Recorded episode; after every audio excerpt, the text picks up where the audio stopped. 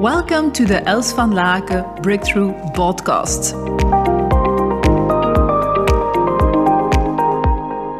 This is one of my shortest podcasts ever, but it's a very, very impactful one. So keep on listening. My name is Els van Laken, and we coach um, entrepreneurs, coaches to trust in themselves, trust in life, trust in business, and um, trust in their relationships.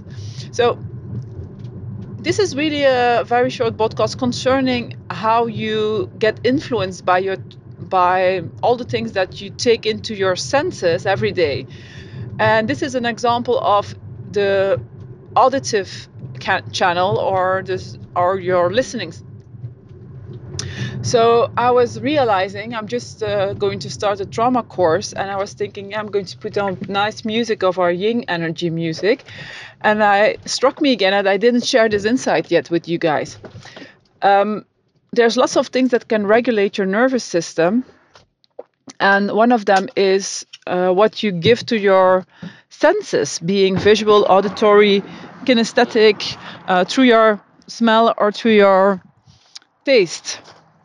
Now, one element is that uh, what uh, the, the, things that you listen to, and I remember I was just thinking my husband is still at home now. He would probably want me to put on music like kind of house retro music that he really likes, and I like too. But at certain moments, I don't always like it. And I realized when he when I was uh, yeah oh, uh, two years ago or something I was always listening to this melancholic music, you know, like always about loss of love, of difficult life, and all these kind of things.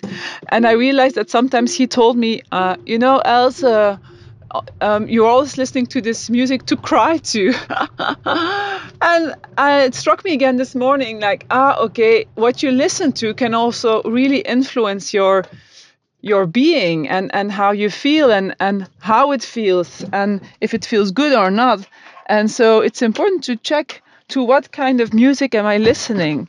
If we look at the auditory channel, uh, is it music that, music that really regulates me or to that activates my nervous system or is it really things that even activate my traumas or activate the darker parts or the shadows of myself so reflect on this and um, let me know through sending me a little mail on hello at elsvanlaken.com. I'm always curious what the insights are and what your reflections are. So have an amazing day. Thanks for your presence. Check out more inspiration on elsvanlaken.com and let's spread the positive energy together by sharing this podcast with your friends, family, and business partners. Do you want to contact us personally? That's possible. Just send us a mail on hello at elsvanlaken.com and we answer all mails personally. Talk to you soon.